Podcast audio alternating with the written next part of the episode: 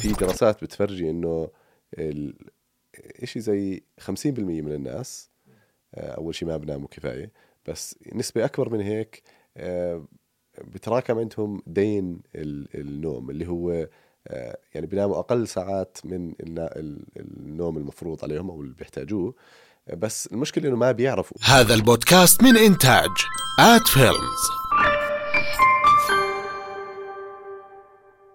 تحياتي. أنا طارق بدار وبرحب فيكم في حلقة جديدة من بودكاست شاي من عمان. بإمكانكم تتابعونا على منصتنا الأساسية على ساوند كلاود أو على أي منصة من منصات البودكاست مثل جوجل، أبل، سبوتيفاي، ستيتشر، أنغامي وغيرهم. كمان بإمكانكم تشوفونا على فيسبوك وعلى يوتيوب. أما ضيفنا لليوم فهو الدكتور آدم بطاينة. أهلا وسهلا فيك دكتور. شكرا شكرا على الاستضافة. ليش آه. كل البودكاست العربية؟ أسمائهم أشياء موجودة بالبيت فنجان كاسه قهوة طاولة. والله ملاحظة جديرة بالذكر. الحمد لله على سلامتك. الله يسلمك شكرا. آه، دكتور لما كنت بقرأ في البايو تبعك كان من أبرز الشغلات مكتوبة فيه إنك خبير في إبطاء العمر. كان مصطلح إبطاء العمر آه، مصطلح غريب وجديد جدا علي. فايش إيش معنى إبطاء العمر؟ إيش هو؟ هلا آه، في يعني خلينا نحكي آه، محورين للصحة. هي عدد السنين اللي بنعيشها وكمان في ال- جودة الحياة تبعتنا فلايف سبان وهيلث سبان عدد السنين اللي بنعيشها آه، متعلقة بقديش إحنا بنتقدم في العمر بسرعة. ومختلفة حسب ال ال يعني مختلفة بين الكائنات الحية المختلفة. وحتى بين البشر مختلفة. في ناس بيعيشوا 100 سنة وفي ناس بيعيشوا 50 سنة صح؟ مم. فواضح إنه في آه، جزء من هاي العملية عملية التقدم في العمر آه، مبرمجة فينا. يعني وإذا في جزء منها مبرمج معناته ممكن ان يعني نأثر على هذا البرنامج ونحاول نبطئ عملية التقدم في العمر هاي. فمن هون طلعت فكرة ال- إبطاء التقدم في العمر وهي يمكن ترجمتي ال- الغريبة لكلمة ال longevity. بال أعتقد أول تجربة انعملت على هذا الشيء كانت ب... بالعشرينات في وقت الكساد مم. العالمي الكبير هلا القصة بعرفش إذا هي حقيقية ولا لا مم. بس الفكرة من الموضوع كانت إنه في باحث عنده آه، فيران okay و آه، ما كان في أكل كافي. فقرر يعمل تجربة على مجموعتين. واحدة من الفئران أعطاهم أكل كافي والمجموعه الأخرى آه، قلل ال- آه، يعني الأكل اللي أعطاهم إياه. فالمجموعة اللي ما أكلت يعني بنسميها كالوري ريستريكشن تقليل عدد السعرات الحرارية. ال- اللي متناوله عاشوا أطول من المجموعة اللي يعني أكلت مثل ما بدها. فهذا كان أول تدخل آه، علمي أو طبي ممكن يعني شفنا من خلاله أو شاف العلماء من خلاله إنه ممكن إطالة عمر الكائنات. مهم. فمحاولة ترجمة هاي التدخلات الطبية على الإنسان هو العلم إبطاء التقدم في العمر اللي أنا مهتم فيه. وبيدخل بأشياء منها يعني عليها أدلة قوية ومنها لساتها تجريبية وما عليها أدلة قوية. طب آه، كيف آه، الموضوع كيف بتم؟ يعني آه، هل هو تدخل جيني؟ هل هي أدوية؟ هل هي تغذية؟ إيش طريقتي أنا بالتفكير بالموضوع أنه في زي ما تحكي ثلاث مراحل أو ثلاث طبقات لل- للموضوع. أول طبقة هي الأشياء الحياتية اللي ممكن نعملها متعلقة بالنوم الجيد تغذية جيدة الرياضة ابتعاد عن الأشياء اللي بتضرنا مثل التدخين والكحوليات وبرضه في جانب نفسي وستريس والضغط العصبي. فكل واحدة من هدول ممكن نحكي عنهم ساعة بس يعني هاي أول مرحلة المرحلة. الثانية آه، اللي هي الأشياء اللي عليها يمكن أقل أدلة اللي هي ال- الأدوية آه، اللي بتستهدف عملية التقدم في العمر في عملية في أدوية عليها شوية أدلة إنه ممكن تكون مفيدة بهذا الشيء. بس طبعا في أدلة قوية على كثير من الأدوية اللي بتعالج أمراض فيعني المرحلة الثانية هي إنه آه، نعالج أي أمراض عندنا إياها مثل الضغط السكري والأشياء هاي. بعدين المرحلة اللي بعديها يمكن تكون أكثر بالخيال العلمي أو أكثر بعالم الأبحاث اللي هي التعديل الجيني اللي ممكن يحاول يعني نحاول نستخدمه ل آه، إبطاء عملية التقدم في العمر وممكن في المستقبل عكس العملية تماما. كيف يعني كيف لو بدنا نحكي طبيا أكثر ونشرحها بشكل طبي أكثر كيف ممكن آه، نسرع هذا الموضوع أو تحكي نعكسها كمان؟ يعني هلأ ضروري هون نحكي عن كيف أصلا بتصير عملية التقدم في العمر. شو هو التقدم في العمر؟ هلأ الخلية أو خلايا الجسم كاملة آه، بص- بصير فيها تغيرات مع الزمن. وهاي التغيرات آه، درسوها العلماء وحطوها في أكثر من آه، يعني آه، بسموهم هول ماركس أو ميزات للخلايا المعمرة. ف واحدة منهم مثلا إنه بصير في تراكم بالاخطاء الجينية. بصير في تراكم في الأشياء الما فوق جينية. اللي هي يعني قدرة ال- الخلية على قراءة الجين الموجود فيها ل يعني وترجمته لبروتينات. آه، وفي كمان شيء اسمه cellular senescence اللي هي التحول اللي بيصير عند بعض الخلايا مع العمر. آه، بتتحول الخلية لخليه زومبي سيل بسموها اللي هي. خلية آم، ما إلها هوية وتراكمها بيأثر على عمل العضو اللي هي جزء منه وفي أكثر من ميزة أخرى. فهذول الميزات درسوهم العلماء اللي آم، يعني موجودة عند كل الخلايا أو يعني عند كل الخلايا اللي بتعمر في العمر. اللي وهذول الميزات اللي ممكن نستهدفهم لنحاول نبطئ هاي العملية. أم، بس هل في يعني شيء واحد أو في نظريات يعني بتحاول تفسر إنه كل هاي التغيرات سببها واحد؟ واحدة منهم واحدة من النظريات اسمها ال hyperfunction theory of aging. اللي هي إنه نفس الوظائف اللي بتكون مفيدة لنمو الخلية لما الواحد يكون صغير بالعمر أشياء بنحتاجها لنمو الخلية وانه تشتغل آه، بطريقة منيحة آه، مع التقدم في العمر بتصير هاي بتنقلب على آه، عمل الخلية مم. وهاي النظرية اسمها antagonistic antagonistic pleiotropy اللي هي الشيء مفيد لنا وإحنا صغار في العمر بعد يعني بعد مرحلة معينة من العمر ببطل مفيد لإنه بالعكس بصير مضر. مع إنه هي نفس العملية ال- الجينية آه، فيعني تشبيه لإلها إنه اذا كانوا يعني تخيل حالك ماشي بسيارة بسرعة ب 100 كيلومتر بالساعة على هاي. على طريق آه، خارجي وأخذت اكزيت رحت على طريق فرعي وظليتك ماشي بنفس السرعة هاي. فالسرعة هاي مناسبة للهاي بس مش مناسبة للطريق الفرعي فهاي العمليات مناسبة لما نكون في عمر صغير بس مش مناسبة لما نكون في عمر كبير وبتؤدي لتراكم التلف في الخلية وبتؤدي بالآخر للشيخوخة واللي بتظهر على شكل امراض فإذا ظهرت أول شيء في القلب بتبين على شكل امراض القلب. اذا ظهرت أول شيء في البنكرياس بتبين بتبين على شكل أمراض في ال- الأيض وسكري وما إلى ذلك. ف يعني هاي ال- الفكرة اللي أنا يعني بحب يعني أنا متعلق فيها اللي هي إنه معظم الأمراض المزمنة اللي بتصير مع التقدم في العمر هي ناتجة عن نفس العمليات هاي آه. بس شكلها مختلف لما نطلع عليها من برا طيب آه، إحنا لما نحكي عن إبطاء التقدم في العمر هل معناها إنه الشخص حتبطل تظهر عليه علامات الشيخوخة حيبطل آه، جلده يتجعد حيبطل شعره يبيض حيبطل يتعب صحيا يعني آه. كل هاي الأشياء هي من علامات التقدم في العمر هلأ آه، حاليا ما عندنا يعني القدرة إنه نعكس هاي العملية نعم. ويمكن ما تصير ابدا بس في أشياء ممكن نعملها فعلا بتقلل من العملية هاي أو بتقلل من يعني سرعة حدوث العملية هاي. مم.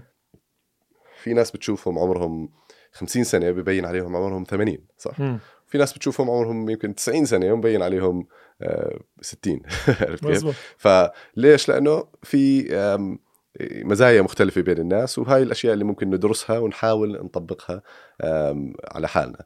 آه، هلا يمكن الخبر السيء هو إنه أكبر آه، عامل مؤثر على سرعة التقدم في العمر هي الجينات تبعتنا اللي مم. حاليا ما نقدرش نغيرها مم. يعني في مقولة بتحكي إنه آه، إذا أردت أن تعيش للمئة عام آه، عليك أن تختار أهلك بعناية طبعا ما نقدرش نختار اهلنا ف. بس لما ندرس الناس اللي بيعيشوا ل عام اللي هم المئويين أو ال centenarians. نقدر نشوف إنه عندهم مزايا معينة ممكن نحاول نمثلها أو يعني آه، يعني نقلدها.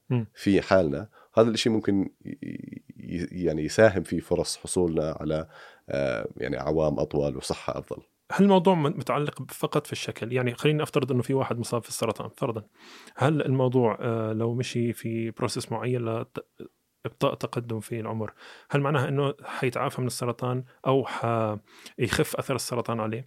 لأنه أنت بتعرف في في جزء من الموضوع منتشر في الغرب أكثر اللي هو أنا لو إني مريض والعلاج بده يزيد من تعبي صح إنه ممكن يشافيني بس يزيد من تعبي بقول لك لا أنا خلص اتركني حموت في سلام و وهاي الفترة خليني أعيش فيها مع عائلتي فالبروسيس وين؟ في أي اتجاه رايح؟ هلا اللي أنا مهتم فيه أكثر اللي أنا بحكي عنه هون هو محاولة تأجيل الإصابة بهاي الأمراض. يعني بعد ما الواحد ينصاب بالسرطان أو ينصاب بهاي الأمراض يعني آه، الفكرة إنه بدنا نحاول نتدخل قبل ما نوصل لهي المرحلة. لأنه هاي الأمراض كلها ناتجة عن عملية التقدم في العمر. فممكن في أشياء ممكن نعملها يعني بكير إنه نأجل الإصابة بهاي الأمراض هلأ لما نقارن بين المئويين والناس العاديين اللي ما بيعيشوا 100 عام وأكثر بنشوف إنه آه، أسباب الوفاة نفسها م. بس الفرق بيناتهم إنه المئويين بتبلش عندهم هاي الأمراض متأخرة أكثر م. ف آه، بنصابوا بالسرطان بنصابوا بأمراض القلب بنصابوا بالأمراض العصبية نفس الناس الثانيين بس متأخر. متأخر. م. فلو قدرنا نأجل هاي الإصابة بالناس العاديين ممكن نزيد عمرهم ونزيد صحتهم يعني على المدى البعيد. يعني تخيل في يعني دراسة بتحكي إنه لو عالجنا لو هلأ اخترعنا علاج للسرطان نهائي بس بنزيد أعمار الناس اللي بينصابوا بالسرطان ويعني تم الشفاء منه م. ثلاث أربع سنين بس بالكثير. آه. ليش؟ لأنه راح ينصابوا بأمراض أخرى آه فإحنا إذا ما عالجنا المسبب اللي هو التقدم في العمر يعني إذا ما صابك السرطان راح يصيبك مرض القلب عرفت أيوه كيف؟ أيوه من لم يمت بالسيف مات بغيره بالضبط آه م. وهي هيك ف يعني أنا رأيي إنه الطب عمل يعني إنجاز كبير بمعالجة الأمراض المزمنة اللي بتصيب الإنسان م. بس المرحلة القادمة هي إنه نبدأ في التدخل الطبي قبل ما تصيبنا الأمراض هاي. بحيث إنه يعني نزيد الوقايه منها ويعني أنا بسميها إبطاء التقدم في العمر بس يعني لها مسميات مختلفة ممكن نحكي بس الوقاية آه، اللي هو م. الفكرة نفسها طيب يعني سؤال فلسفي شوي قديش الموضوع ممكن يكون مجدي إذا طبق على أشخاص بعينهم آه، وما طبق على المجتمع بالكامل يعني أنت تسببت مثلا آه، فرضا خلينا نتخيل إنه صار في بروسيس معين آه، تسبب بإنه فلان وفلان وفلان طول أعمارهم. بس آه، فلسفيا من ضمن الشغلات اللي آه، بتسهل بين قوسين عملية الموت على البني آدم إنه أصلا هو فقد كل مهاراته فقد كل آه، أحبابه وقرايبه. فشو فائدة إني أضلني خليتني أعيش بزيادة يعني إيش استفدت أنا من الموضوع هلأ أعتقد يعني هو سؤال يعني فلسفي لازم نجاوبه في وقت من الأوقات بس يعني لساته بكير كثير إنه نجاوب سؤال زي هيك لأنه يعني كل الحكي اللي عم بحكيه كثير منه نظري وكثير منه يعني ما له تطبيقات على أرض الواقع آه. غير الأشياء الحياتية اللي ممكن نعملها آه. يعني حاليا أكبر عمر وصله الإنسان هو 122 سنة مم. ومعظم الباحثين بيعتقدوا إنه ما بنقدر نوصل أكثر من هذا ال- ال- العمر في العصر الحديث طبعا في العصر الحديث. آه لأنه يعني جينيا مستحيل غير إذا عدلنا جيناتنا بطريقة معينة وهذا الشيء لسه يعني بالعالم الأبحاث اللي بعيد جدا عن الترجمة للواقع م. فبعتقد سؤالك هو زي زي اللي يعني بخاف من ال ال overpopulation زيادة عدد السكان على المريخ يعني لسه نوصل للمريخ بعدين بتصير نحكي عن المواضيع هاي تمام تمام. بعدين بس آخر شغلة أنا حكيت عنها شوي اول الحلقة انه يعني هو فعليا مش المهم كثير هو عدد السنين اللي بنعيشها هو اللي أنا أكثر مهتم فيه هو جودة الحياة هاي. وزي ما حكينا إنه جودة الحياة بتبلش تقل في آخر سنين في العمر. فلو قدرنا نحصر الانهيار في جودة الحياة والأمراض اللي بتصيبنا في أقل فترة زمنية قبل نهاية عمرنا مم. هذا الشيء بيزيد من جودة حياتنا بيقدر الواحد يعيش ل يعني نفس الأعمار اللي بنعيشها اليوم بس بجودة حياة أفضل وفي. أشياء ممكن نعملها هاي فعلا بتساعد ويعني في أدلة كبيرة على الأشياء اللي ممكن نعملها اليوم اللي بتساعد إنك تقدر لما يكون عمرك 80 سنة إنك تطمن تلعب مع أحفادك. آه، تقدر تركض مع آه، أحفادك يعني هاي الأشياء اللي يعني كثير منا يعني بنفقدها في آه. التقدم مع التقدم في العمر. وهاي أشياء ملموسة ممكن نحكي عنها اليوم آه، مش يعني خيال علمي. طيب طبعا إنه حكينا شوي عن موضوع الجينات أنت آه، جزء من دراستك رساله الماستر أتوقع لها علاقة في الجينات مزبوط آه أنا عملت آه، ماستر في الطب الجينومي بجامعة مانشستر ورسالتي كانت عن الأسباب الجينية للتقدم في العمر. تمام. آه، في الفترة الحالية من ضمن الدراسات المطروحة على الأقل قديش في معنا مجال نلعب في جيناتنا وجينات أولادنا؟ هلا لما نحكي نلعب في الجينات مشكلة ال... مشكلة هاي الشغلة إنه في فرق بين إنه نلعب في الجي... في جينات خلية واحدة ونلعب في جينات آه، كائن كامل. هلا إحنا عندنا مليارات ال- الخلايا. ف آه، في تكنولوجيا موجودة حاليا نقدر نغير فيها الجينات الموجودة في يعني عدد صغير من الخلايا مم. بس ال- الصعوبة هي ترجمة هذا الموضوع لتغيير الجينات الموجودة في كل خلايا الجسم أو في عضو معين آه، لأنه صعب نوصلها آه. هلأ بالمختبر في, في في تقنية اسمها كريسبر وطلعت بعدها تقنيات أخرى مبنية عليها اللي هي آم، يعني عملت ثورة في في عالم الجينات إنه بنقدر آه، نستهدف مناطق معينة من الجين م. آه، من الشفره الوراثية تبعت الخلية ونغيرها ونستبدلها فإذا فهمنا ال يعني إيش آه، وظيفة المناطق المختلفة في الجين ممكن نصير نستهدف آه، مناطق مختلفة ونغيرها م. وهذا الشيء انعمل في آه، يعني في الاجنه وانعمل في بعض الخلايا وحتى في دراسة حديثة يعني يمكن السنة الماضية طلعت م.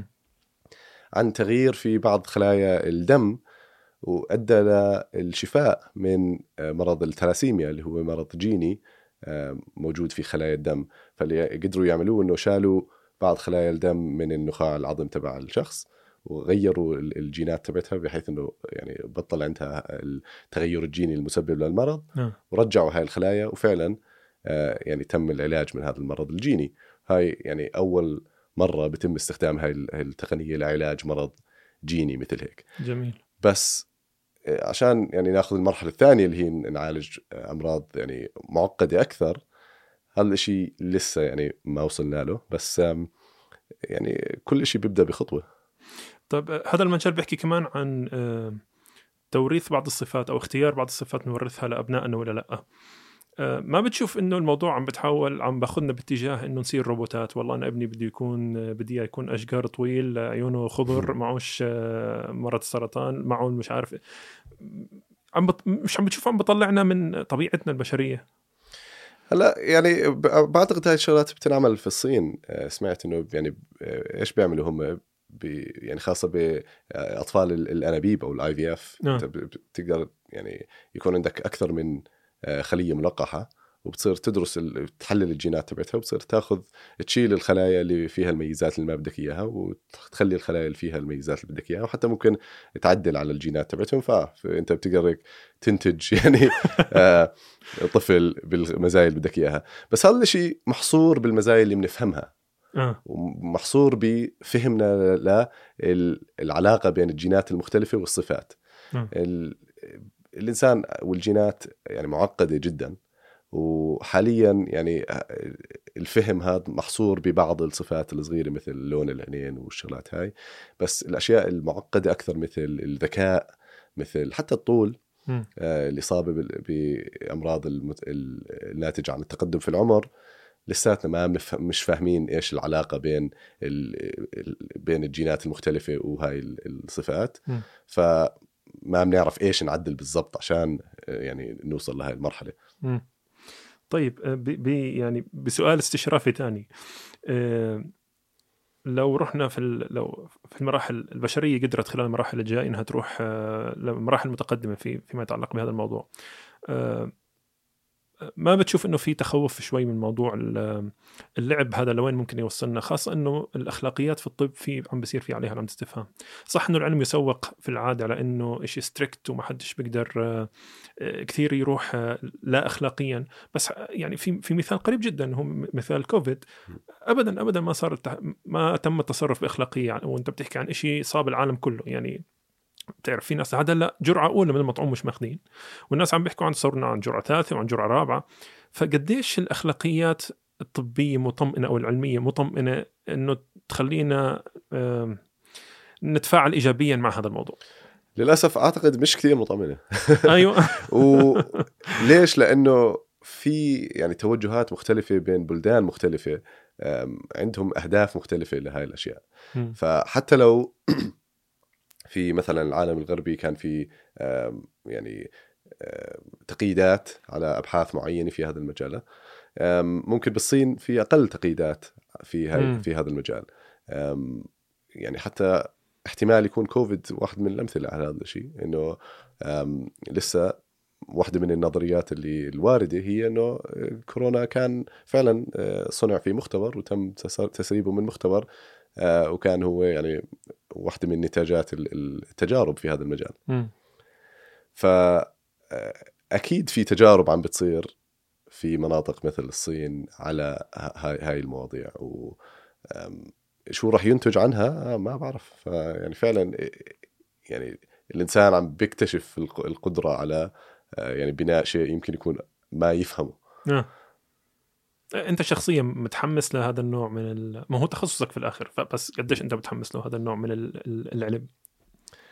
يعني أنا بشوف إنه آه، أنا أنا متحمس ل إيه، كيف إيه، إنه نفهم العلاقة بين الجينات والتقدم في العمر وبشوف إنه الطريقة الوحيدة إنه فعلا آه، يعني نبطئ التقدم في العمر أو نعيش أكثر من ال 120 عام اللي مكتوبة علينا هي إنه نقدر نغير الجينات تبعتنا. طبعا هذا الشيء ممكن يدخلنا بنقاشات دينية وفلسفية ما بدنا ندخل فيها بس يعني نظريا هذا. الشيء ممكن. إذا آه، قدرنا نعدل الجينات تبعتنا بالطريقة ال- ال- آه، المناسبة أو الصحيحة. فهذا الشيء أنا متحمس له وهو الطريقة طريقتنا الوحيدة لل يعني للنجاة من الشيخوخة اللي عم بتصيبنا كلنا تمام تمام تمام. طيب نظرة تفاؤلية شوي. آه. طيب في أه، واحدة من ال- أحد أصدقائكم بدردش فيه عن موضوع الطب كان بيحكي إنه رغم كل هذا التقدم في العلوم الطبية أه، في الطب إجمالا وفي العلوم وفي الكلام حول الجينات و- و لكن الأثر الملموس على الطب ما عم بيكون بقدر هاي الأبحاث. اللهم يمكن في الجراحة أكثر لكن في الأمراض المزمنة من 10 سنوات أو 20 سنة ما تزال هي نفسها تقريبا مش عم نشوف هذيك العلاجات ال- الحقيقية لهذه الأمراض. يمكن برضه بدي أرجع لمثال كوفيد. كوفيد دخلت فيه دول كثير وعشان نقدر نطلع لقاح خلال سنة. وطبعا في هلا كلام عن علاجات برضه للمرض غير اللقاح. فليش الأبحاث اللي بنسمع عنها عن الطب مش متوازية مع عمل آه، حقيقي فعلي أو أثر حقيقي فعلي على على أرض الواقع؟ هو فعلا يعني يمكن يكون في يعني آه، العملية بطيئة لترجمة الأشياء اللي بنسمعها في الأبحاث. لفعلا نتائج سريرية حقيقية. شيء زي يعني الغالي أكثر من 90% من الأدوية اللي يعني تجرب آه، يعني تترجم لأدوية حقيقية بتفيد الناس سريريا. فالمشكلة يعني خاصة اعلاميا آه، بيطلع اكتشاف معين في المختبر على حيوانات وبكون محصور ب يعني تقييدات معينة يترجم وكأنه يعني آه، اكتشاف مذهل راح يغير العالم في يعني خلال الأشهر مم. بس آه، في الحقيقة هذا الشيء بيحتاج سنين وسنين وسنين من البحث ومعظم هاي ال- الأبحاث لا تترجم لأشياء ملموسة حقيقية مم.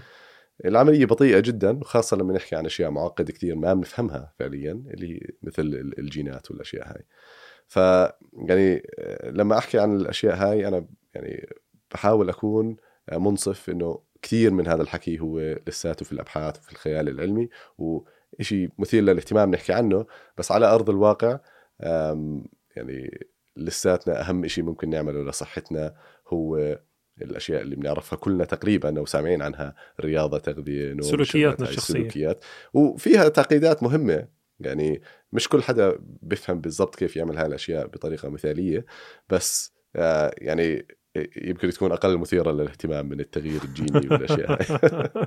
طب في سبب لهذا الشيء يعني هل هذا هذا البطء في البروسيس ناتج عن شيء؟ ناتج عن قلة مادة مثلا؟ آه، ما الدول ما عم تصرف على الأبحاث العلمية هيك مثلا؟ آه، في يعني هذا آه، سؤال حلو لأنه زمان يعني بالسبعينات وقبل كانت كانت العملية أسرع بكثير. هلا عم بياخذ وقت كثير أطول لتترجم ال- الأبحاث لنتائج سريريه وفي كثير من هاي الأشياء آه، متعلقة بالبيروقرا- بالبيروقراطية والتقييدات الموجودة على الأبحاث عشان ما تصير أخطاء اللي صارت في الم- في الماضي. آه، من يعني آه، طرح أدوية على السوق لها آثار جانبية مش معروفة لسه. ف لما تصير أخطاء في الماضي زي هيك كل ما يصير خطأ بيصير في process أو بيصير في بروتوكول معين عشان يتفادى هذا الخطأ في المستقبل. مم. فمع السنين هاي بتتراكم ل آه، عملية معقدة جدا جدا إنه تترجم البحث السريري لدواء مثلا أو البحث ال- ال- المخبري لدواء آه، سريري. ولازم نجرب هاي الأشياء على يعني أعداد كبيرة من الناس عبين ما نعرف بالضبط هل هي يعني ناجحة أو لا. وهذا الشيء اللي بكورونا آه، كان ناجح جدا. حقيقه اللي هو آه، سرعة الانتقال من لقاح تجريبي إلى لقاح فعال وعليه أدلة سريرية كبيرة على فعاليته تمام تمام في في سؤال في سؤال صغير في بالي من زمان ال ال الأبحاث ليش أه، بيعملوها على فيران تحديدا. أول شيء الفيران آه، يعني هي زي لأنه بلشوا بفيران مش عارف ليش يعني اختاروا الفيران بالذات آه. بس آه، الموضوع الفيران إنه هلأ في كثير آه، هي الفيران هي models أو نماذج ل مزايا مختلفة في الإنسان فممكن إحنا نعمل فار آه، هو نموذج للسكري مم. نعمل فار نموذج لمرض تصلب الشرايين أو مرض واحد من أمراض المفاصل والعظام م. آم، فصار في يعني options كثيرة إنه نقدر نستخدمها في في المختبر. فانا مثلا باحث لو أنا باحث في السكري. بروح بشتري نماذج للسكري وببلش أطبق عليهم. ف آه، فخلص صارت هي يعني ال يعني صارت هي الطريقة اللي بنعمل فيها العلم. بس المشكلة هون إنه آه، يعني من كثر ال آه، يعني التغيرات ال- ال- الجينية اللي بتصير بال أو يعني قصدي آه، لأنه بنستعمل آه، فئران مخبرية فقط. صارت هاي الفئران المخبرية فيها تغيرات جينية مختلفة عن ال- ال- الأشياء اللي بنشوفها في الواقع. آه ماشي. فهذا الشيء بالعكس هو سيء لأنه عم بترجم ل يعني أشياء بنشوفها في المختبر بس آه، يعني بس ناجحة في المختبر لأنها على يعني يعني فئران. محددة. آه، مش تخصصي العميق بس بشكل عام هاي الفكرة ففي توجه هلأ إنه آه، نلاقي فئران مشابهه للفئران الموجوده في الطبيعة أكثر آه. لأنه بكون في اختلافات جينية بيناتهم يعني معظم الدراسات تنعمل على آه، فئران الجينات تبعتها مشابهة لبعض بالضبط عشان ما يكون في آه، يعني ما يكون في تأثير للجينات المختلفة. آه. إحنا لما نعمل دراسة لازم تكون الظروف كلها متساوية بين الفئران. مم. فعشان هيك نختار يعني فئران يكون الجينات تبعتهم متساوية بس هذا الشيء ينتج عنه إنه أحيانا ما بترجم الشيء ل يعني الإنسان. جميل. طيب سيدي آه، بعيدا عن الطب قدمت موسمين من برنامج شفرة والثالث على الطريق يفترض وفي لك قبل هيك أصلا في لك نشاط على يوتيوب وفي لك بودكاست خاص فيك آه، اسمه 1% أتوقع اسمه.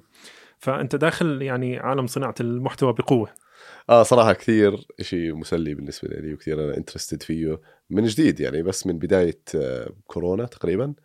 آه، صرت كثير متعلق بمجال الإعلام وحابب يعني أتعلم عنه أكثر وأطور فيه أكثر و آه ومستمتع جدا بهذا الشيء. هذا طبعا عكس التوجه المعروف عن الأطباء إنهم رايحين باتجاه الخط الأكاديمي أكثر.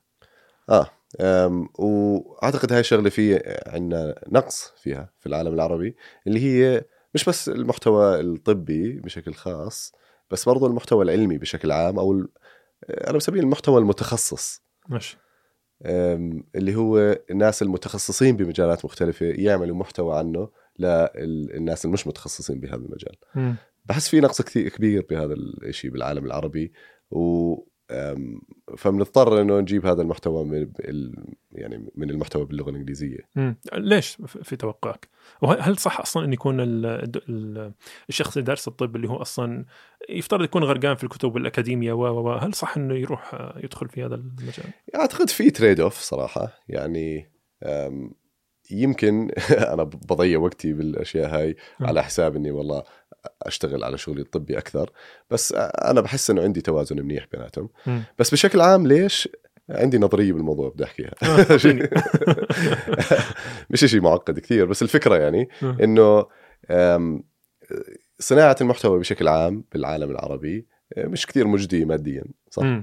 مثل العالم الغربي بسبب إنه الاعتماد على الإعلانات والإعلانات تعتمد على القدرة الشرائية والقدرة الشرائية قليلة خاصة يعني في منطقتنا مم. أم، ف هذا الشيء بترجم ل يعني إنه مش مجدي كثير.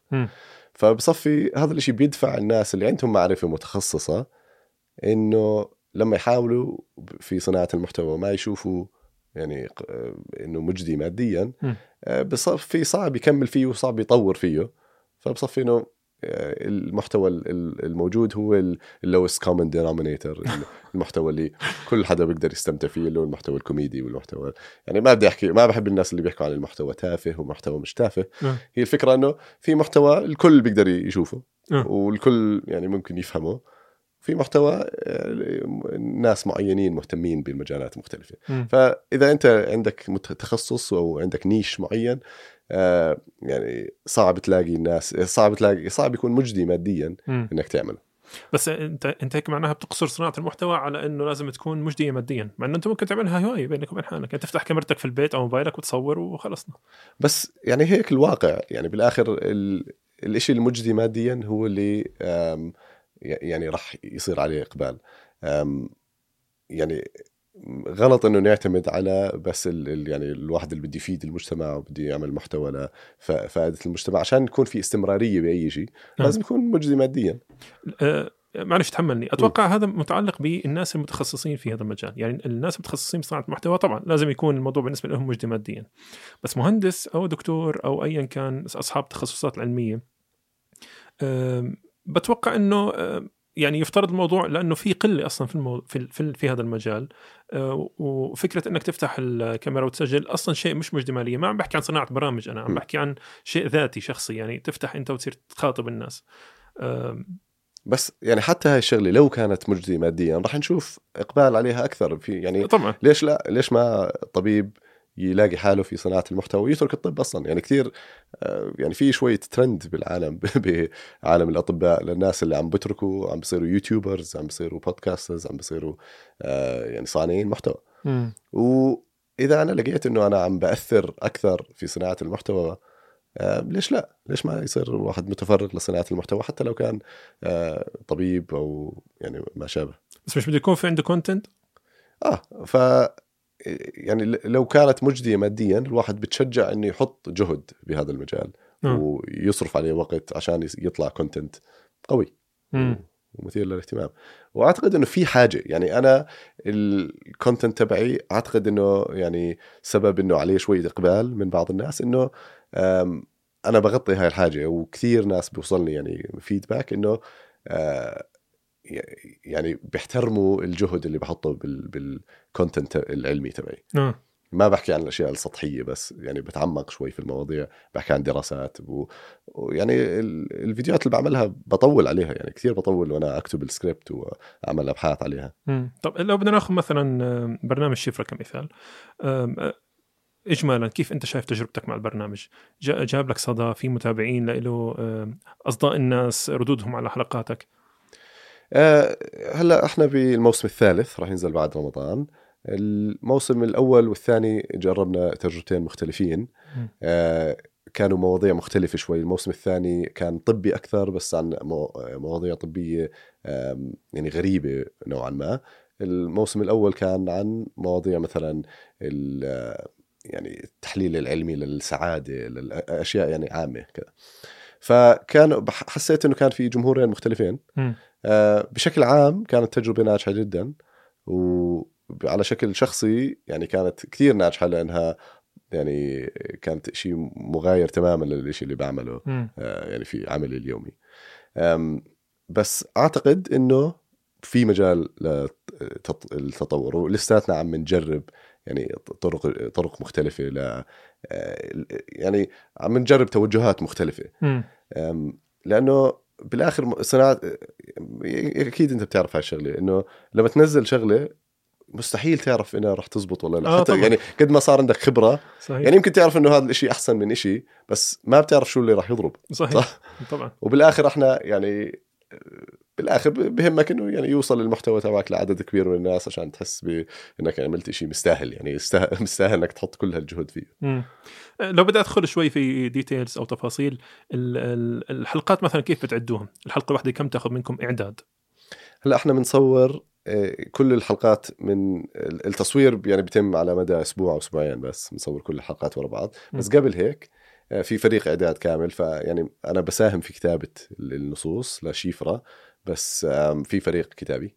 مم. آه، في شركة إنتاج هي اللي بتمسك كل ال- ال- الإنتاج. أنا دوري كمقدم فعليا. مم. وبساهم طبعا في كتابه كتابة المحتوى لأنه محتوى طبي بالاخر راح يرجع علي ك إذا بحكي شيء غلط آه. يعني أنا اللي راح أتحاسب طبعا. من الناس فلازم أكون عارف إني عم بحكي شيء صح. بس طريقة الكتابة هي طريقة درامية شوي. إحنا بنحكي قصص وبندخل في يعني شخصيات مختلفة. فهاي إلها ناسها. فبياخذ يمكن شهرين من الكتابة. سلام. بعدين تصوير أسبوعين. بعدين طبعا post production بياخذ فترة. آه، اختيارك من المواضيع بيكون ضمن أسس معينة ولا آه، عشوائيا؟ حسب الموسم الموسم الماضي مثلا أه، كنا يعني توجهنا كان لمواضيع غريبة أه، مثلا الجاثوم. أه، الصرع الصرع المتعلق ب يعني كان في قصة غريبة إنه حالات حقيقية كلها لواحد مثلا بصيبه صرع بس يلعب لعبة السودوكو. آه يا سلام. بس تخيل. فكانت غريبة كثير فيعني تع- ونستخدم هاي الشغلة إنه نشرح أكثر عن مثلا الصرع بشكل عام آه، بحلقة الجاثوم حكينا شوي عن النوم بشكل عام وإيش علاقته بالجاثوم والأشياء هاي. ف آه، بهاي بهاي ال- قبل كل موسم نعمل brainstorming نطلع بأفكار بعدين بنصير نختار المواضيع اللي يعني بنشوفها مثيرة للاهتمام أكثر. آه، بتخاف إنه يكون في ردود فعل من الناس على الحلقات يقول لك والله الحلقة ما تمت مراجعتها ولا أو الكلام اللي فيها مش مزبوط؟ آه هاي شغله كثير بندقق عليها يعني إحنا مع الجزيرة الجزيرة اوتو كثير مهتمين بهذا الشيء إنه يكون كل شيء مدقق علميا. يعني كل حلقة بتدخل بالتدقيق العلمي قبل وحتى بعد التصوير. مم. وبكون في بيتم مراجعة المصادر وبتنحط المصادر في في الوصف. آه لأنه أعتقد صارت مشاكل على صناع محتوى كبار صحيح. على شغلة ال- المصادر هاي. صحيح. ف وشغلة مهمة مهمة كثير.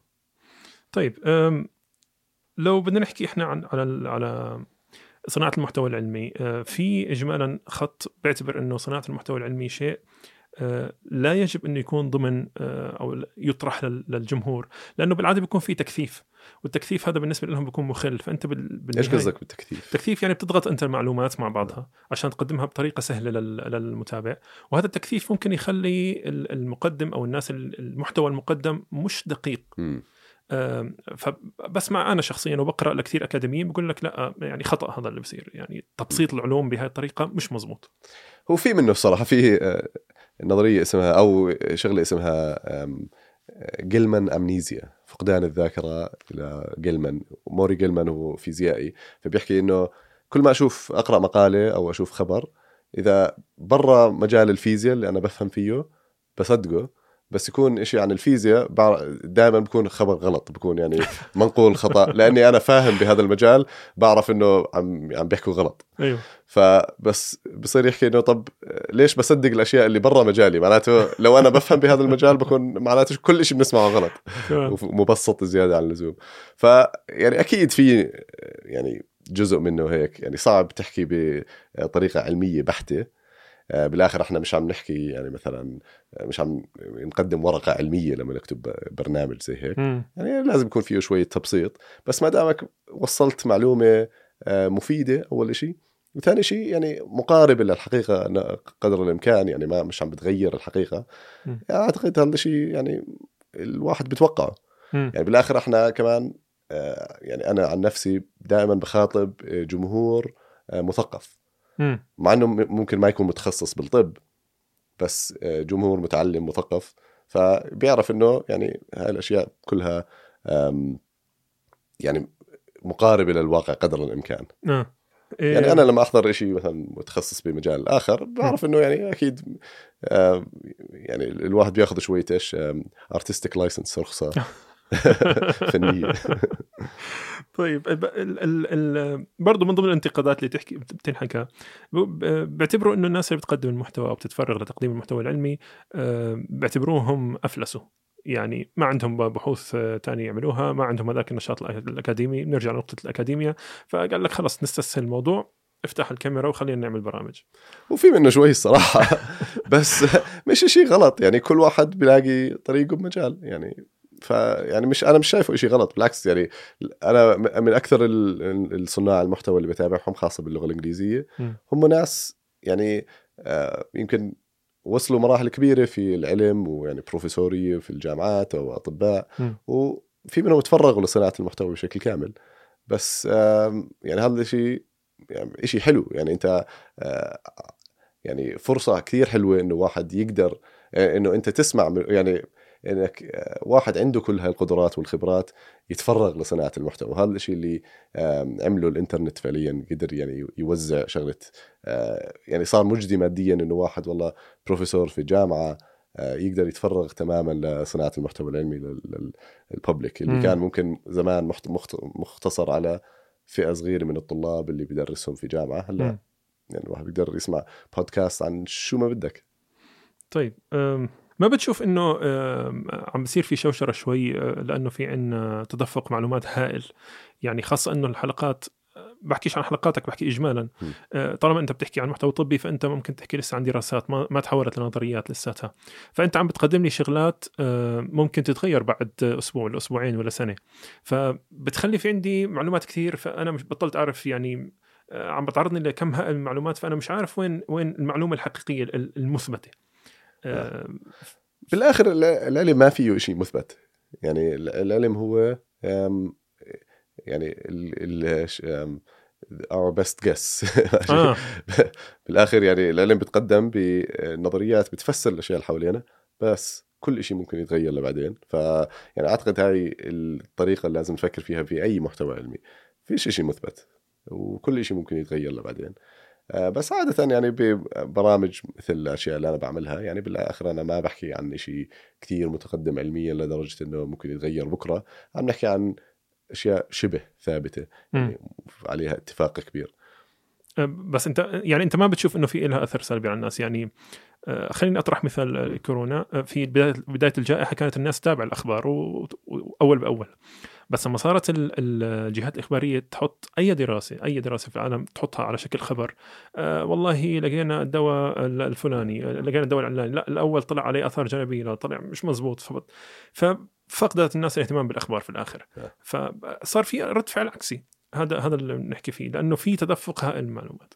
هون هون تيجي إيجابيات اللي حكينا عنها بالناس المتخصصين إنه يدخلوا بالاعلام لأنه آه، إذا ما دخلوا في غيرهم راح يدخل وراح يدخل ناس زي آه، ناس مش متخصصين ابدا وبيحكوا بالكلام العلمي. فيعني لازم يكون في مت يعني تيار مضاد اللي هو التيار العلمي اللي بيحكي المعلومة اللي يعني على الأقل محققة نعم. آه، أكثر من من هذولاك. ف يعني بعتقد إنه العلم هو هيك معقد و يعني هلأ إحنا صرنا كلنا خبراء بالوباء وبائيات أو لا هلأ صرنا خبراء بالحروب بالجيوبوليتكس والأشياء. هاي من وراء أوكرانيا وروسيا بس قبل هيك صرنا خبراء بالوبائيات ف آه، يعني بع- بعتقد يعني مشكلة ما لهاش حل يعني آه. طيب في شغل تاني برضو خارج آه، تخصصك الباطني أو الجيني له علاقة بتحليل البيانات الطبية عن طريق الإكسسوارات آه هذا اهتمامي آه، متعلق بالشيخوخة والأشياء هاي بس زي ما حكينا آم، يعني الخطوة الأولى باتجاه هاي الأشياء إنه نحسن آه، يعني حياتنا من ناحية رياضة صحة عامة تغذية نوم الأشياء هاي. هلأ فمن هون اجى اهتمامي بالاكسسوارات الذكية هاي اللي بتاخذ معلومات حيوية. منا وهاي المعلومات الحيوية ممكن تترجم ل آه، طبية أو نصائح صحية ممكن يعني تساعدنا في تحسين حياتنا وصحتنا. آه، قديش آه، هي دقيقة في قراءتها؟ مقارنة بالأجهزة الطبية. عم بتصير أدق كثير. يعني قبل عشر سنين مثلا كانت كان متوفر الفيتبت أعتقد أنت لابس فيتبت مزبوط. كان يعطيك عدد ال- الخطوات اليومية تبعك بس هلأ صار في أجهزة بتعطيك آه، مراحل النوم تبعتك عم بتحللك مش بس أنت كم نمت كم قضيت في مرحلة النوم العميق مرحلة مم. النوم ال- ذو حركة العينين السريعة هاي مراحل مختلفة من النوم آه، برضو عم يعطيك مثلا آه، أشياء مثل معدل تقلب نبضات القلب اللي هو واحدة من المؤشرات الصحية للستريس الضغط النفسي مم. عم يعطيك حرارة الجسم تبعتك على مدى اليوم ال- معدل التنفس كل هاي الأشياء آه، هلأ موجودة في إكسسوارات ذكية هلأ قديش دقتها تختلف من آه، جهاز لجهاز بشكل كبير. صراحة وبتختلف كمان آه، حسب ال- ال- المؤشر اللي عم نستعمله.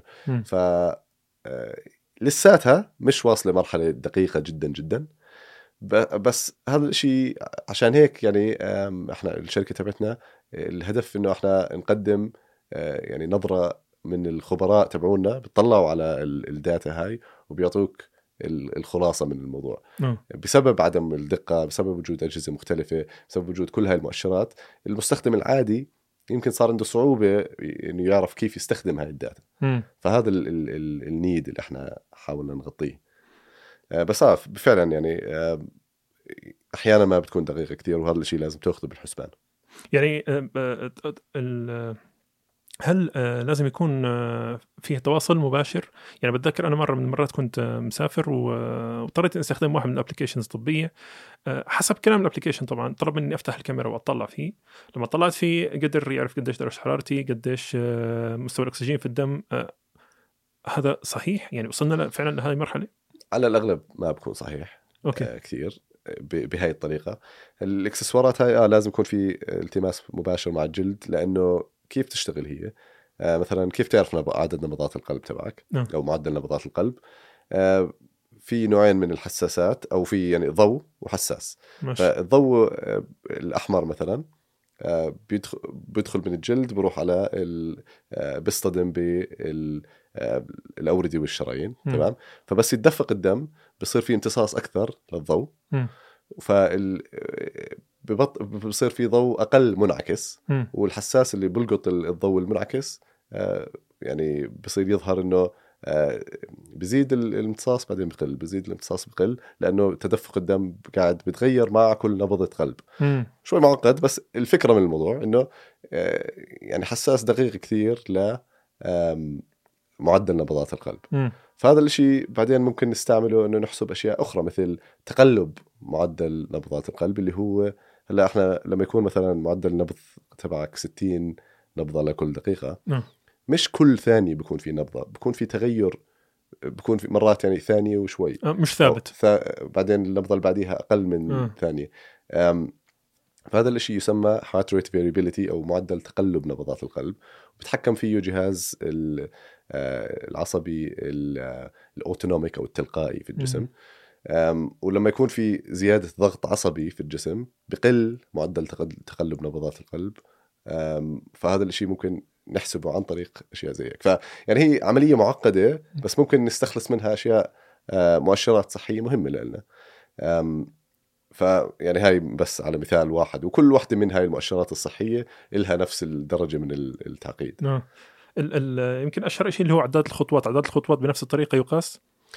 هذاك آه، في آه، يعني مش شرط يكون آه، مربوط في الجلد بس مم. الفكرة يعني م- في واحد بموبايلك مثلا. مزبوط. آه أو هذا الشيء بس يعني حسب الحركة. بح- دقيق كثير بس حسب ال- الحركة. آه. إذا مش نفس المبدأ يعني حسب الإكسسوار بالآخر.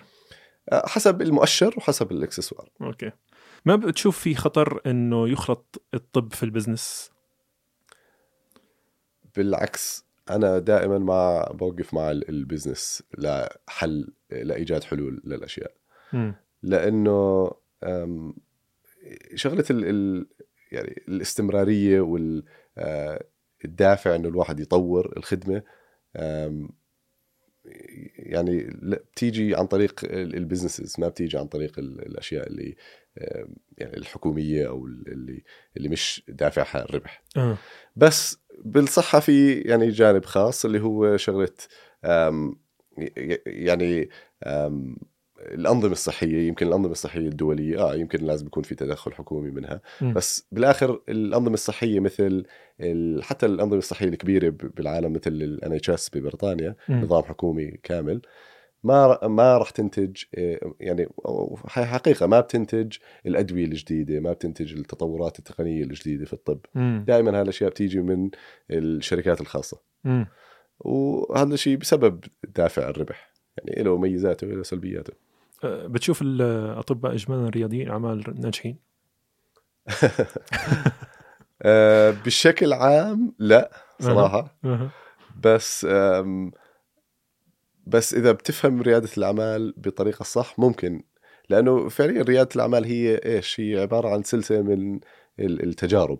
انت لما يكون عندك فكرة آه، إذا بتفكر فيها كتجربة أنت عندك نظرية طرحتها آه، يعني عملت منتج معين طرحته على السوق وإجاك آه، تغذية راجعة إما نجحت أو لا فوقتها بعدين بتعمل تجربة ثانية. وبتضلك تطور على المنتج وتعمل نظريات وت- وتجارب وهكذا انت بتصير تتعلم إيش السوق بده مم. فبحس إنه إذا طلعت على الموضوع بطريقة علمية هيك ممكن الاطباء هم بالعكس آه، يعني هذا الشيء اللي بنعمله مع المرضى آه. لما يجي مريض بيشكي من شغلة آه، ما بتكون عارف شو بده تعمل مجموعة من الفحوصات بكون عندك نظرية يمكن. يكون عنده هيك يمكن يكون عنده هيك. انت بعدين بتعمل فحوصات عشان تأكد النظرية تبعتك.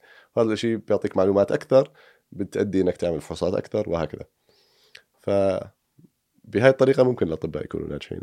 بس مش مش بدها مه... ريادة الأعمال اجمالا مش بدها مهارات مختلفة عن ال- اللي موجودة عند الأطباء. ما بتحس إنه بدها دراسة مثلا أو بدها بحس هاي مشكلة الأطباء إنه ليش الأطباء عادة مش رياديين أعمال جيدين؟ لأنه هم الداخلي هم موجودين ب system ال آه، يعني بيشبه system يعني ال system آه، النجاح فيه آه، مرسوم مرسوم لك أنت عارف كيف راح ت- راح في خطة في. plan يعني في خطة بالضبط آه. آه آه، يعني النجاح فيه خطي انت آه، بت- بتبلش بتدرس طب بعدين آه، بتتخصص آه، بتخصص عام بعدين تخصص خاص. وبتصير أخصائي وهيك انت بت- بتوصل للنجاح فيه. آه، بريادة الأعمال شيء مش مرسوم لك ما بتعرف كيف تنجح فيه ما في خطة معينة حتى عشان هيك دائما يعني يعني أنا بشوف إنه دراسة ريادة الأعمال مش شيء يعني كثير جامعات و آه، تخصصات بيحاولوا يحطوا شغلة ريادة الأعمال ك يعملوها ك يعني شيء الواحد يدرسه. مم. بعتقد إنها مش كثير مفيدة ريادة الأعمال شيء بينعمل يعني بتتعلمه مع العمل. آه آه. طيب آه، فيما يتعلق بنفس الموضوع اللي هو موضوع الاكسسوارات الذكية قديش آه، في خصوصية للبيانات عليها؟ أنت في الآخر عم تجمع داتا من كل الناس اللي على على الكرة الأرضية. هاي البيانات وين بتروح؟ مين بيستعملها؟ ما بيخوف هذا الموضوع شوي. آه بلا وفي يعني debate كبير عن موضوع الخصوصية هذا هلا بعتقد البيانات ما دام إحنا بنطلع على ال metadata أو البيانات اللي مش متعلقة بأشخاص معينين بنطلع مثلا على البيانات تبعت كل الأشخاص اللي عندنا بس بدون ما تكون مربوطة بأشخاص معينين. بعتقد هاي شغلة آه، يعني مفيدة إنه نجمع هاي الأشياء. بس بالنسبة لمثلا الب- البيانات الجينية مثلا يعني هل مثلا لو أنا عملت تحليل جيني واكتشفت إنه أنا عندي زيادة آه، نسبة إني أص- أنصاب بمرض ال- الزهايمر مثلا هاي المعلومة بتقدر تستعملها ضدي مثلا ال- التأمين تبعي إنه يزيد التأمين الطبي علي لأنه عارف. إني راح أنصاب بزهايمر مبكر ف آه، هاي المعلومة بتصفي خطيرة. صحيح. صح. فهون أنا بملك ال data هاي ولا الشركة اللي عملت الفحص؟ عادة الشركات بحبوا هم يمتلكوا ال data. آه. لأنه يعني ال data هاي مهمة زي ما حكيت. بس آه, آه في يعني آه، debate كبير على هذا الموضوع. وبعتقد أنا من الناس اللي بتوجه إنه يكون ال data يملكها الشخص. مم. آه، إحنا بشركتنا بنجمع data بس بنطلع على ال metadata اللي هي آه، ال- ال data اللي مش مرتبطة ب يعني أشخاص معينين. طيب آه، طالما حكيت عن شركتك شركتكم شو الجديد بتقدموا في هذا المجال؟ إحنا إيش بنعمل؟ بنطلع على ال- ال data الحيوية هاي اللي بنجمعها من ال- الأجهزة الذكية هاي وبنحولها ل اولا إنه بنحولها ل insights يعني أشياء إنه يقدر آه، يستخدمها الشخص إنه يفهم حاله أكثر. فبدل ما يكون عنده أرقام و يعني data مش مفهومة هيك بصير يفهم عن حاله إنه والله في آه، تغير إيجابي بهذا الشيء تغير سلبي بهذا المؤشر.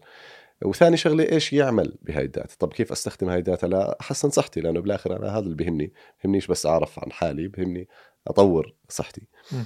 فمن الأشياء اللي بنقدمها إحنا إنه بنجمع بنقدر نجمع الداتا من كل الأجهزة الذكية اللي بيستخدمها الشخص. في مكان واحد. بعدين عندنا خبراء بيطلعوا على هاي المعلومات وبيعطوا آه، يعني نصائح صحية كيف نستخدم هاي الأشياء عن طريق تحسين التغذية والصحة العامه النوم الرياضة والأشياء هاي. فهذا الشيء اللي بنقدمه. وإحنا يمكن من الناس القلائل بالعالم فعليا اللي عم نبني معرفة في مجال ال commercial wearables اللي هي الاكسسوارات الذكية المطروحة في السوق في السوق آه، وكيف نستخدم هاي ال data لنصائح طبية حقيقية لأنه الأطباء ما بيتدربوا هاي الشغلة آه.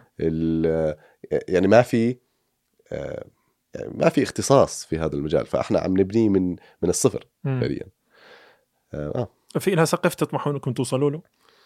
فالهدف كان إنه نضلنا نطور الموضوع إنه وندخل ندخل مختبرات أو ندخل يعني فحوصات طبية بالدم ويعني اختبارات أو فحوصات يعني أكثر تعقيد. آه بس حاليا إحنا تم الاستحواذ على شركتنا من شركة أمريكية آه اسمها Eight Sleep اعلنا عن الموضوع امبارح. فعم نتوجه ل إنه نبني نفس الشيء تحت مظلة Eight Sleep آه، راح نكون مركزين على الصحة العامة والنوم أكثر شيء لأنه هم يعني متعلقين في النوم أكثر. آه، وبعدين ممكن يعني يتطور الموضوع لأشياء أكثر تعقيد. جميل. مبروك مبروك. وان شاء الله منها لاكبر إن شاء الله. تسلم. في كلامك دكتور بضلك تحكي إنه في خمس عناصر أساسية لازم نهتم فيها عشان آه، نساهم في تحسين صحتنا وبتذكر منها النوم. رغم إنه النوم في مخيالنا إحنا المخيال العربي أو في منطقتنا اجمالا مرتبط في الدلع. إنه أنت بتنام أكثر معناها أنت بتدلع أكثر قوموا اشتغلوا بلا هالحكي. وبنضل نأخذ النماذج لرواد أعمال بيناموا عدد ساعات أقل خمس ساعات أو أربع ساعات عشان بحكي لك أنا اليوم مش مكفيني فبشتغل فيه 20 ساعة. أنت عندك نظرة معاكسة لهذا الكلام. وأنا بالنسبة لي أنا شخصيا اختلفت أو يعني اختلف جانب من معلوماتي لما قرأت كتاب اسمه Why We Sleep أو خلينا نحكي مقتطفات من الكتاب من الكتاب. آه، يعني انصدمت جدا من قديش إحنا لازم نعتني في النوم ونتعامل معاه وكأنه شيء مقدس مش مش شيء عبثي طبيعي بيصير كل يوم. آه فعلا كتاب Why We Sleep يعني أحدث ثورة بالعالم بشغلة النوم. أه. واهتمام كبير صار. يعني يمكن يعني يمكن تساهم في تحسين صحة العالم أكثر من أي كتاب ثاني لأنه كان موضوع مش مطروح شغلة النوم وأهمية النوم. وزي ما حكيت يعني آه الواحد يعني ما بفكر بالنوم هو إشي مفيد له هو إشي لا يعني مرغم عليه الواحد. في دراسات بتفرجي إنه إشي زي 50% من الناس آه أول شيء ما بناموا كفاية بس نسبة أكبر من هيك آه بتراكم عندهم دين النوم اللي هو آه، يعني بيناموا أقل ساعات من النوم المفروض عليهم أو اللي بيحتاجوه. بس المشكلة إنه ما بيعرفوا. آه. ليش؟ لأنه إحنا عادة كيف بنقيم حالنا إذا إحنا نمنا منيح أو لا؟ عن طريق شعورنا بالنشاط والحيوية صح؟ مزبوط. فهذا ال... آه، بس في تغيرات فسيولوجية بتصير داخل أجسامنا آه، ما بتكون مربوطة بنسبة النشاط اللي بنشعر فيها م. فالفكرة إنه إذا إحنا عندنا يعني مش عم ننام منيح جسمنا بصير يعني يضغط على حاله عشان نشعر بنشاط طبيعي م. بس دا داخل يعني تحت يعني داخل جسمنا عم بصير عم بيتعرض لستريس وضغط آه. عصبي آه. و يعني في دراسات مثلا بتفرجي إنه بعد ما نسمح للناس إنه يناموا آه، قد ما بدهم في المختبر م. عادة بيناموا أكثر من عدد الساعات اللي بيناموا في, في خلال الأسبوع في أيامهم الطبيعية أه. فهذا الشيء إيش بيظهر إنه هم مش عم بيناموا نوم كافي بس لما أقول لما يعني يتم آه، سؤالهم بيحكوا إنه أنا بحس حالي بنام نوم كافي. ولما يتم فحص عينات من دمهم بتفرجي إنه بدك أربع أيام قبل ما الجسم يتعافى من آه، فقدان ساعة واحدة من النوم يا سلام ها. طيب إيه، يعني لو بدنا نحكي معناها أنا كيف بدي أعرف أنا كم كفايتي من النوم؟ هل هل الموضوع مرتبط بأعمار يعني كل عمر مثلا في له عدد ساعات معينة؟ في آه، طبعا بيختلف من شخص لشخص. نعم. عادة بين سبع لتسع ساعات للشخص البالغ للناس الصغار بالسن أكثر يعني بيزيد عدد ساعات النوم اللي بيحتاجوه للكبار بالسن بقل شوي. بس آه، ما في طريقة محددة نعرف آه، الطريقة اللي ممكن تعطينا آه، يعني فكرة أنا بحبها اللي هي هل أنت بتنام أكثر لما تكون معطل. خلال عطلة نهاية الأسبوع. إذا عادة بتنام ساعة أكثر من آه، يعني خلال الأسبوع العادي معناته أنت مش عم بتنام كفاية. مم. إذا عم بتنام نفس عدد الساعات لما تكون معطل معناته نومك مم. ب- هاي واحدة من الطرق. أوكي في غيرها. في غيرها بس يعني متعلقة بتقدير يعني تقريبا من سبعة لتسعة ساعات. فإذا أنت بتنام أقل من سبعة على الأقل أنت مش عم تحصل على نوم كفاية. آه، ليش بحكي لك في غيرها؟ لأنه في العادة يعني آه، الطبيعي الطبيعي عندنا بصير إنه حتى لو أنا مش بحاجة هذا النوم بدي أدلع حالي آخر الأسبوع فبروح بنام زيادة. يعني بدي أريح بس حالي زيادة. إذا عندك الشعور بهذا. ال... إنه أنت بحاجة هذا الدلع أيوه. آه، اللي هو آه، ضغط النوم. في ش... يعني اشيين بيتحكموا بالنوم تبعنا. هم آه، الدورة اليومية تبعتنا السيركيديان ريذم. اللي هي تغير مستوى هرمونات معينة ونواقل عصبية معينة خلال اليوم. مم. اللي بتحكي لأعضائنا إنه إحنا هلأ في حالة الصبح أو إحنا في الليل. فهاي واحدة من الأشياء. والشغلة الثانية اللي هي آه، شيء اسمه التوازن أو ال homeostasis داخل الجسم اللي هو آم، بيختل لما نكون مش نايمين منيح فبصير عندنا شعور بالنعس okay. وشعور بالحاجة لنوم أكثر. okay. فإذا عندنا هذا الشعور بال... فخلال اليوم آه، بتتغير مستوى هرمونات معينة وبتحكي لنا إنه إحنا في الليل هلأ فلازم نبلش نشعر بالنعس. وبرضه إذا كنا مش نايمين منيح بزيد هذا الشعور لأنه بصير في آه، يعني اختلال في توازن هرمونات معينة تضغط الجسم إنه يصير يحتاج النوم أكثر أظن تحكي تحديدا عن الادينوسين اللي هو بيشتغل بعد 12 ساعة من الاستيقاظ مزبوط بصير يتراكم خلال اليوم في الدماغ ولما يوصل مرحلة معينة بنصير نحس بالنعاس. أم، بس في هرمونات أخرى مثل الميلاتونين مثلا نعم. بيرتفع خلال الليل وهذا الشيء بيعطينا شعور في النعاس. وهي واحدة من الأشياء المهمة اللي حكيت عنها أنت لأنه إحنا بنعمل أشياء بت- بتخل بعمل الأدينوسين وبتخل بعمل الميلاتونين بدون ما نعرف. زي مثلا نشرب قهوة ال- الكافيين بي- بيبطل عمل آه، يعني بيرتبط بنفس مستقبلات الأدينوسين آه. فبيبطل عمل الأدينوسين فببطل نحس بشعور النعس هذا فإذا عم نشرب قهوة بالليل مثلا أو حتى بعد يعني بعد الظهر هذا الشيء ممكن يقلل من آه، شعورنا بحاجه بالحاجة للنوم وبرضه ممكن يقلل من آه، حصولنا على النوم ال- ال- العميق والنوم مراحل النوم المهمة آه. ف يعني حتى لو الواحد بيشرب قهوة وبنام دغري آه، مش معناه إنه عم بيحصل على نوم جيد أها ممكن مش عم بيحصل على يعني نسبة كبيرة من أو نسبة مناسبة من النوم العميق وال rapid eye movement sleep اللي واحدة من مراحل النوم المهمة مم. وثاني شغلة كمان زي ما حكينا الميلاتونين واحدة من الأشياء اللي كثير بتتأثر في الإضاءة. آه. ف آه، إحنا بنتعرض لإضاءة كبيرة خلال ال- الليل هذا الشيء ممكن- يعمل اضطراب في الميلاتونين وبيؤدي لأنه ما ننعس واضطرابات في النوم. بس ب... يعني أنت بتحكي عن شرب الكافيين بعد الظهر حتى يعني بعد الظهر يعني آه، معناها قديش بقعد الكافيين في آه، آه لأنه عمر النصف للكافيين تقريبا خمسة لست ساعات وعمر النصف إيش يعني؟ معناته كل خمس لست ساعات بقل تركيز ال- الكافيين اللي شربناه مثلا شربت أنت هلا كاسة قهوة. بعد خمس ساعات نصف الكمية لسه موجودة في دمك مم. بعد خمس ساعات من بعد كمان خمس ساعات ربع الكمية لسه موجودة مم. هيك بقل عمر الن... يعني هذا هو عمر النصف فعشان هيك إذا شربت قهوة على الساعة ثنتين مثلا بعد الظهر الساعة 7 نصف الكمية موجود الساعة 12 25% منهم لسه موجود زي كأنك شربت شوية قهوة قبل ما تنام فعشان هيك أنا بفضل آه إني ما أشرب قهوة آه غير يعني كاسة واحدة الصبح أول ما أصحى أو بعد يعني ساعة من الاستيقاظ مم. ساعة لساعتين بس إذا بش... بدي أشرب قهوة بعد هيك ممكن أشربها ديكاف آه. خالي من كافيين مع إنه فيها شوية كافيين آه. بس يعني بأقل ضرر طب بضلك تحكي عن جودة النوم جودة النوم إيش لو بدنا نشرح هذا المصطلح شو معنى جودة النوم؟ في أكثر من مؤشر لجودة النوم واحد منهم هو الكمية اللي- عدد ساعات ال- ال- النوم تبعنا. فزي ما حكينا سبع إلى ثمان ساعات عادة تعتبر كمية جيدة.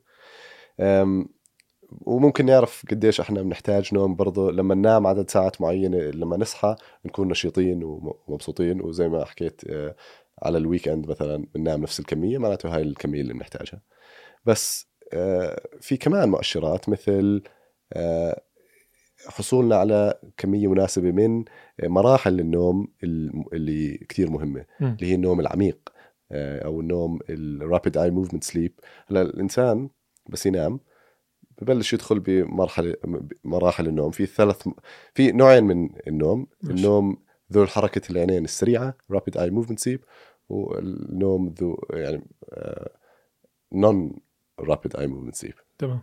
فال non rapid eye movement sleep اللي فيه ثلاث مراحل وكل مرحلة بتصير أعمق. فإحنا مثلا ندخل في نوم light بعدين أعمق بعدين نوم عميق كثير بعدين ندخل في ال REM مرحلة النوم ال REM sleep. يعني ما بدي أعقد الموضوع كثير بس من آه، بشكل عام آه، بدنا نقضي نسبة معينة من نومنا في المراحل النوم المهمة هاي اللي هي نوم العميق والحركة النوم ذو حركة العينين السريعة. آه، لأنه خلال هاي المراحل بصير في تغيرات كبيرة في المخ تبعنا آه، وهذا الإشي اللي بيؤدي إنه نحصل على فوائد النوم الحقيقية أحيانا الناس بيناموا مثلا ثمان ساعات. بس بيصحى كثير خلال الليل. أو ما بيدخل بمراحل النوم هاي فبنام ثمان تسع ساعات وبيصحى لساته مش حاسس إنه حصل على قسط كافي من النوم. ليش لأنه مش عم بيدخل بمراحل النوم العميقة هاي ففي تصرفات معينة ممكن نعملها بتزيد من حصولنا على مراحل النوم العميقة هاي مم. مثل إيش؟ اللي هو موضوع تقليل الإضاءة في الليل، ابتعاد عن الموبايل، الإضاءة الحمراء، ابت- ابتعاد عن الإضاءة الزرقاء، مزبوط؟ آه يعني هاي من الأشياء البسيطة اللي ممكن نعملها اللي كثير مفيدة أول شيء التعرض للضوء خلال آه، أول ما نصحى. تعرض لضوء النهار والفكرة هون إنه مثل ما حكينا في ساعة بيولوجية في جسم الإنسان بتحكي لنا إنه إحنا هلأ في فترة الصبح وفي فترة فترة الليل بس كيف تعرف إمتى تبلش هاي الساعة. آه.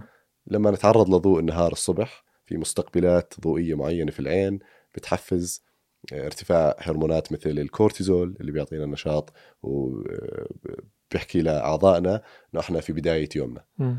يلا نبلش تعيير الساعة من هلأ.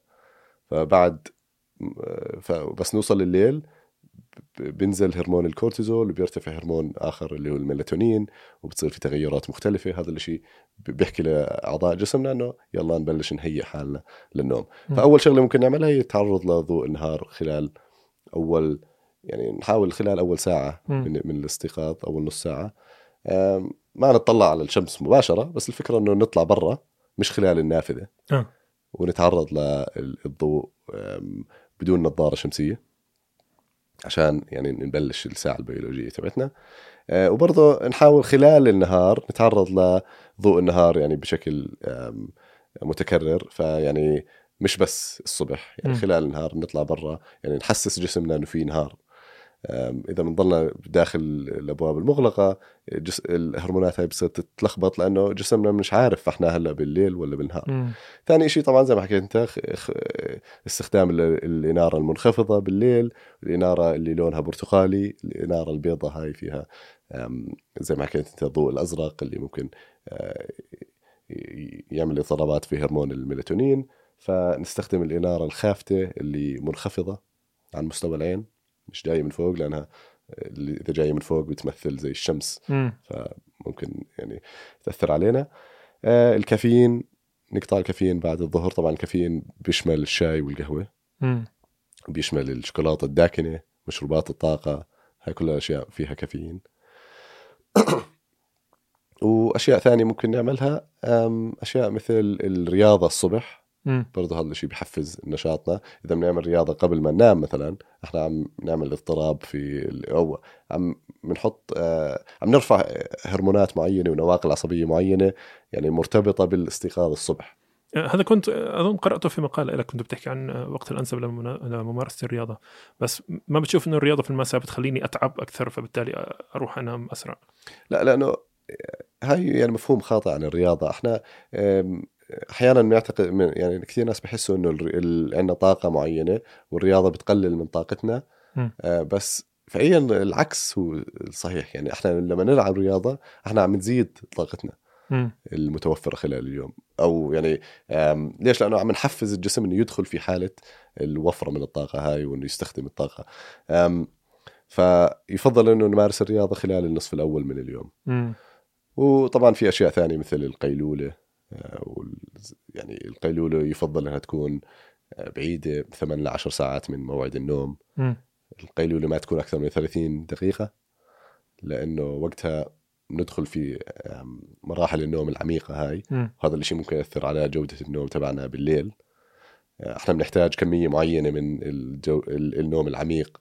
فإذا حصلنا عليه بالقيلولة آه، راح ياخذ من وقت النوم العميق خلال الليل. كان من ضمن المعلومات الطريفة اللي بيحكي عنها الكتاب اللي هو فكرة آه، آه، دورة النوم كأنه كأنه في في دورة للنوم مدتها حوالي 90 دقيقة. وإنه إذا بدك تاخذ قيلوله الأفضل إنك زي ما تفضلت آه، من 20 دقيقة لنص ساعة. لكن إن كان ولا بد وبدك لا كملها خليها كملها دورة كاملة. دورة كاملة. مزبوط يعني هي الفكرة إنه مش منيح إنه نصحي حالنا بنص الدورة. آه. دورة النوم هي إنه ندخل في مراحل النوم من الأقل عمق للأكثر عمق مم. بعدين في آخر ال- الدورة ندخل في آه، مرحلة ذو- آه، النوم ذو حركة العينين السريعة الرابid اي موفمنت. بس هاي أكثر شيء بتصير في النصف الثاني من الليل مش من النصف الأول من الليل مم. النصف الأول من الليل بيكون أكثر شيء آه، مرحلة النوم العميقة آه، بس هي دورات آه، 90 دقيقة بت- بنمر تقريبا يعني بنمر بهاي الدورات من بهاي المراحل كلها بعدين بنعيد هاي الشغلة. وبيناتهم أحيانا بنصحى بالليل وهاي شغلة طبيعية. يعني عادة ما بنتذكر كم مرة بنصحى خلال الل- الل- الليل. آه بس الحلو هون إنه هاي الدورة بتصير خلال الاستيقاظ كمان. يا سلام.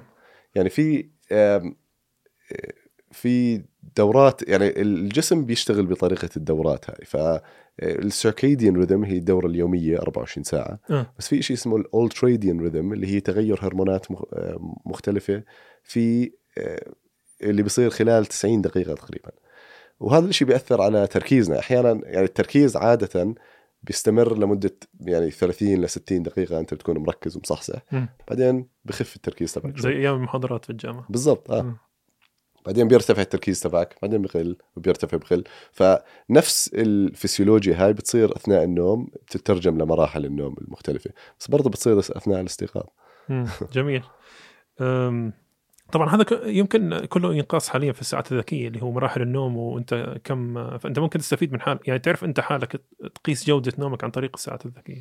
آه فهاي واحدة من الأشياء اللي بنعملها. بس مشكلة الساعات الذكية لحد الآن ال- الدقة في قياس مراحل النوم الأربعة هذول آه. آه، مش مثل آه، يعني أحسن أجهزة موجودة على السوق زي ال Oura Ring generation 3 وال WHOOP band generation 4 مم.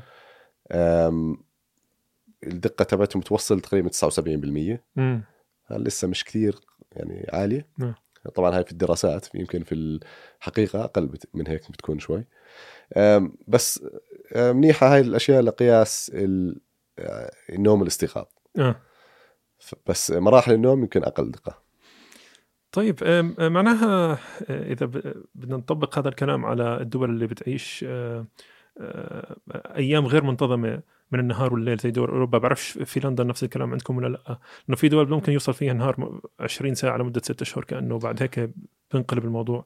فمعناها بده يصير في عندهم لخبطة كبيرة جدا في النوم. آه طبعا. وحتى آه، وح- واحدة من اللخبطة هاي من إحنا م- م- يعني بنعملها حالنا لما نغير الساعات آه، التوقيت الشتوي والتوقيت الصيفي. آه. يعني في أبحاث بتشير إنه آه، يعني أعداد كبيرة من الوفيات بتصير من وراء هذا التغير. يا سلام.